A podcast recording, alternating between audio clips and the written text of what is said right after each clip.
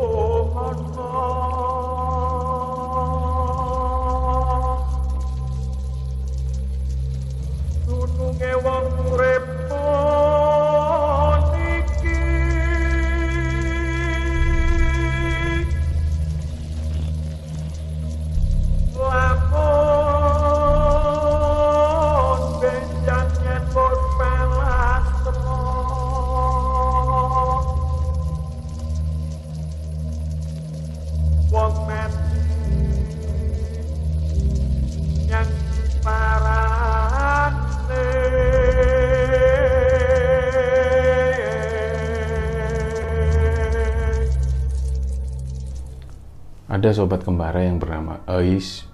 Dia tinggal di Majalengka, Jawa Barat. Tapi sekarang saat ini dia tinggal di Taiwan untuk kerja di sana. Ais menceritakan pada masa-masa itu sekitar tahun 94, 1994 ketika dia masih tinggal di Majalengka itu pernah ada satu kejadian yang begitu gempar sampai menggemparkan warga desanya hingga warga desa tetangga. Sebut saja nama desanya ini Desa Sejuk, satunya lagi Desa Putih. Kebetulan Eis tinggal di Desa Putih ini dan kejadiannya ada di Desa Sejuk, desa tetangganya. Dinamakan Desa Sejuk oleh Eis karena menurut Eis itu pada tahun-tahun itu desanya ini begitu sejuk dikelilingi perbukitan dan hutan-hutan kecil gitu pada masa-masa itu Eis itu sering kali melihat banyak sekali anak-anak muda atau warga desa ini yang senang sekali berburu babi hutan. Karena di sekitar desanya ini sering kali banyak babi hutan yang sampai masuk ke desa atau sampai ke pekarangan warga bahkan sampai masuk ke rumah. Nah di situlah banyak sekali warga desa yang kegiatan sehari-harinya ini berburu babi hutan. Mereka berburu kemudian disembelih dan dibawa ke pasar. Di pasar ada uh, warga Tionghoa yang menjual dagingnya itu, dijual di situ kemudian hasilnya untuk digunakan kehidupan sehari-hari oleh warga sekitar. Nah, suatu kali warga desa ini mengalami sebuah gangguan. Gangguan ini lebih kepada mereka sering kali kehilangan uang di zaman-zaman itu warga desa itu kan sering kali menyimpan uang kadang di bawah bantal. Ada juga yang menyimpan di atas lemari. Kadang ada yang menyimpan di beras dan macam-macam. Karena pada waktu itu uh, warga masih tidak mengenal bank pada waktu itu. Nah awalnya warga desa ini curiga dengan adanya maling yang sedang bergeria di da daerah situ di warga desa itu uh, curiga dengan adanya maling.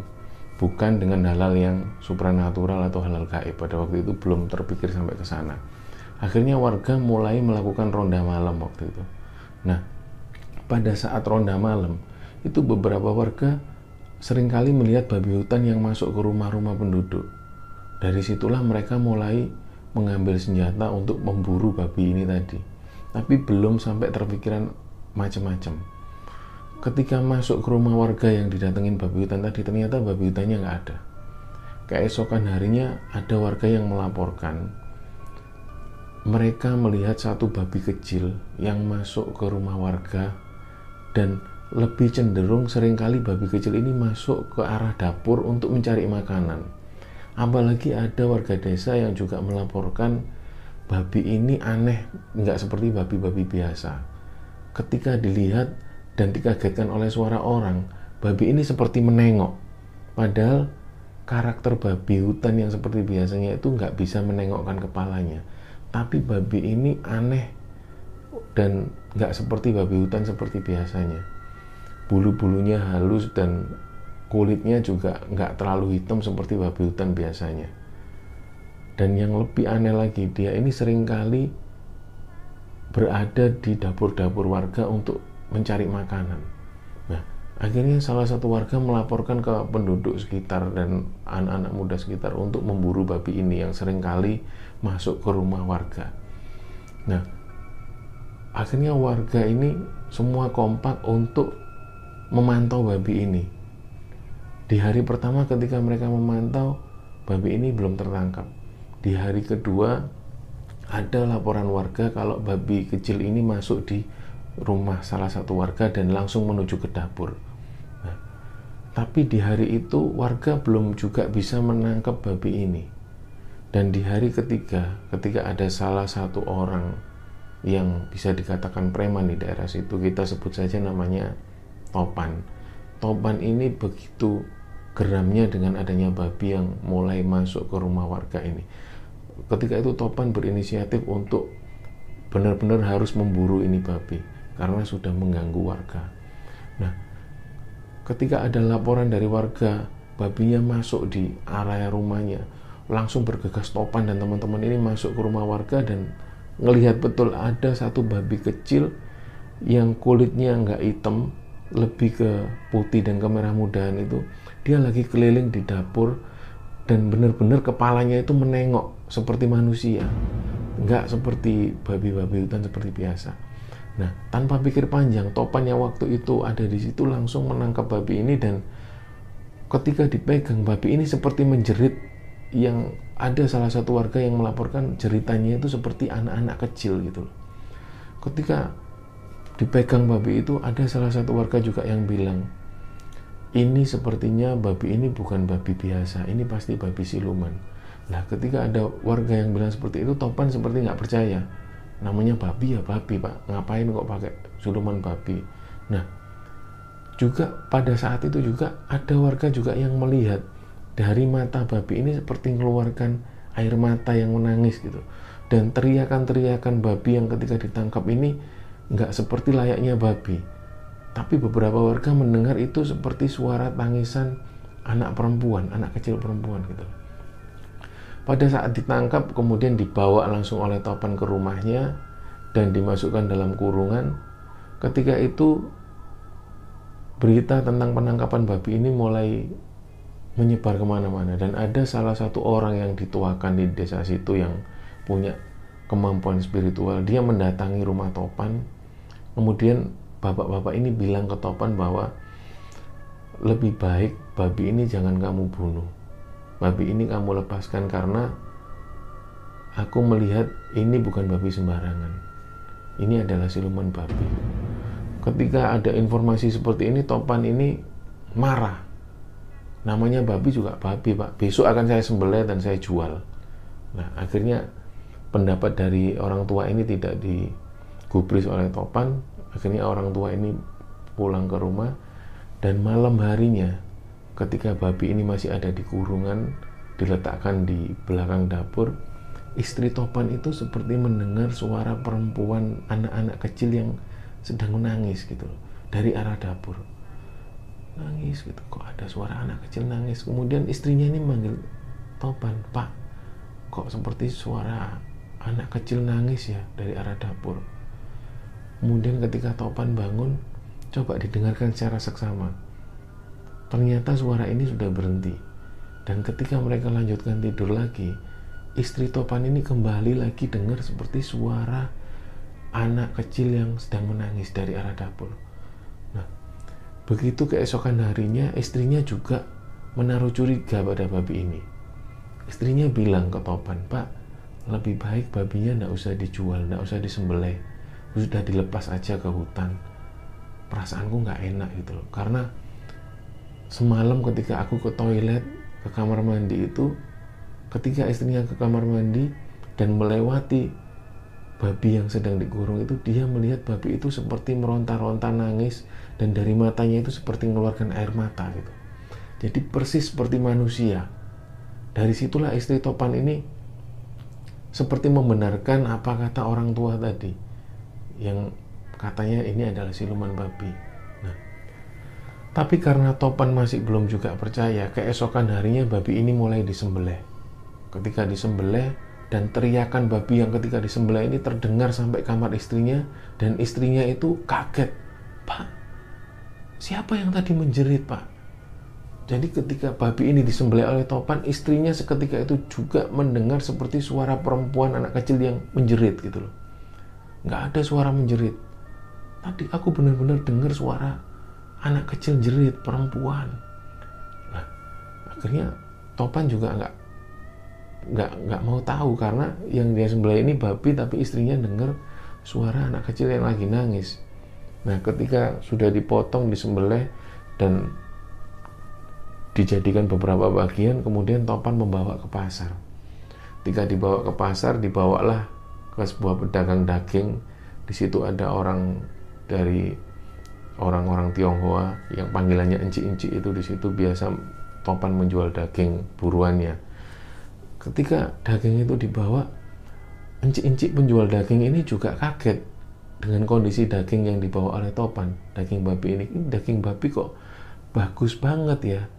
Kok warnanya bagus cerah nggak seperti babi hutan yang biasa kamu bawa gitu iya nggak tahu sih ini tadi kemarin dapat berburu gitu. Nah akhirnya dibelilah dengan harga tinggi oleh inci-inci karena kondisi dagingnya bagus. Ketika itu juga Topan kembali pulang ke desanya. Dan malam itu kembali lagi istrinya mendengar seperti suara anak kecil perempuan yang sedang nangis di pojok kamar itu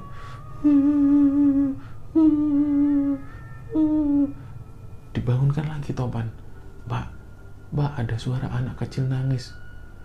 Itu anak siapa? Begitu Topan bangun Topan ini juga mendengar suara anak kecil perempuan yang sedang nangis. Tapi Topan sendiri masih heran ini suara siapa ya? Padahal dia tidak punya tetangga atau anak tetangga yang seusia seperti itu. Nah, keesokan harinya di desa seberang itu ada satu keluarga. Mereka masuk dengan menggunakan mobil mewah pada waktu itu. Di zaman-zaman itu menggunakan mobil mewah. Turunlah pasang suami istri dan ada satu orang laki-laki yang agak tua. Terus ada satu anak-anak seumuran 18 tahun waktu itu turun.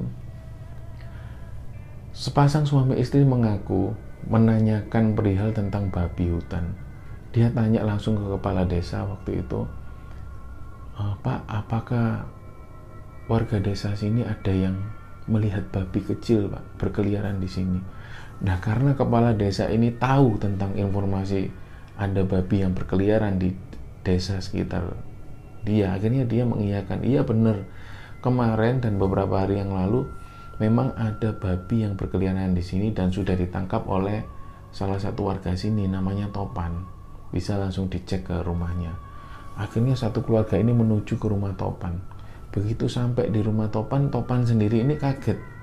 Ini orang kaya dari mana? Karena pada zaman-zaman itu jarang sekali orang yang menggunakan mobil mewah di masuk di desa itu.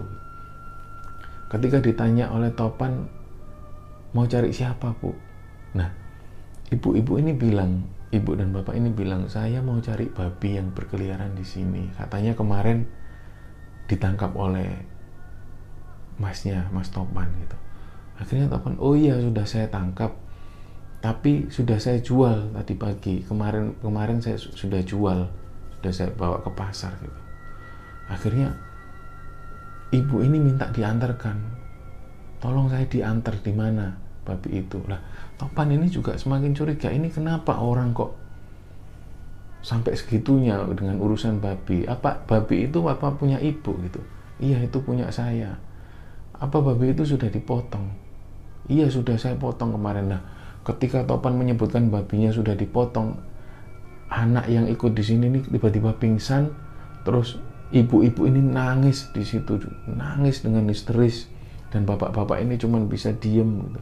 dan ada salah satu orang tua yang ikut di situ dia mengaku paranormal dia bilang sekarang babinya ada di mana? Babinya sudah saya jual di pasar pak gitu. Ternyata ini adalah sepasang suami istri dan satu orang tua ini adalah paranormal. Kemudian ibu ini coba menjelaskan ke Topan bahwa bahwa babi ini sebenarnya adalah anaknya. Topan semakin nggak percaya ini maksudnya gimana bu kok ibu bisa bilang bahwa babi ini anak ibu jadi sambil menangis ibu itu menjelaskan, jadi mohon maaf ya Pak, sebenarnya saya ini sama suami saya adalah pelaku pesugihan babi ngepet. Dan kami itu punya satu ruangan di rumah itu khusus untuk ritual kami ngepet.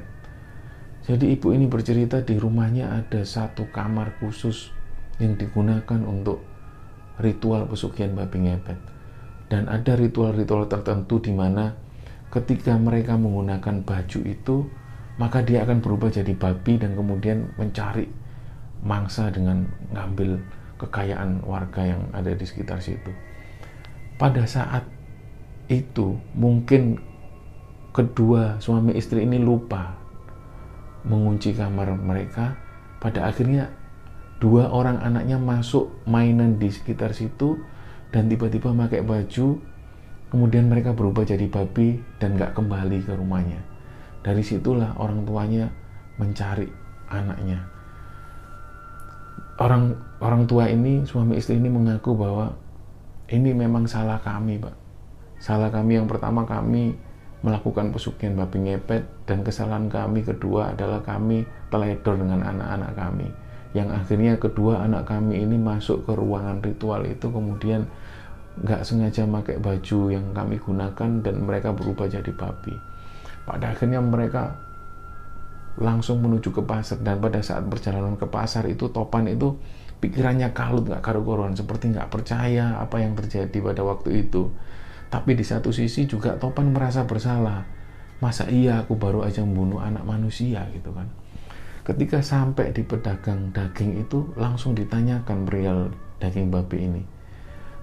Cik, kemarin saya jual daging babi, apa sudah laku?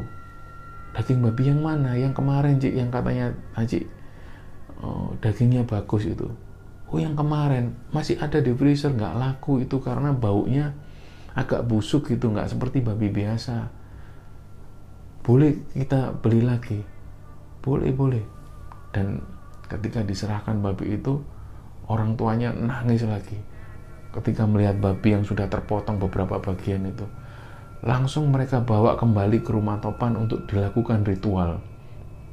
Jadi ada salah satu paranormal yang ikut dengan rombongan keluarga ini. Beliau melakukan seperti ritual. Jadi potongan babi ini ditaruh di atas meja kemudian menyalakan beberapa wangi-wangian dan ditutup seperti kain kafan putih. Nah, pada saat membaca mantra-mantra itu, tiba-tiba dari arah rumah seberang itu terdengar seperti orang-orang berteriak yang ada babi, ada babi gitu. Ternyata warga melihat ada satu lagi babi yang penampakannya aneh. Babi yang berlarian dengan ada anting yang di sebelah telinga kanannya jadi nggak seperti babi yang seperti biasanya. Saat itu juga warga rame-rame nangkep dan kemudian membawa ke rumah Topan dan ibunya lagi-lagi nangis. Nah, disinyalir babi ini adalah juga termasuk anaknya. Pada saat itu juga ritual kembali dilakukan bersamaan.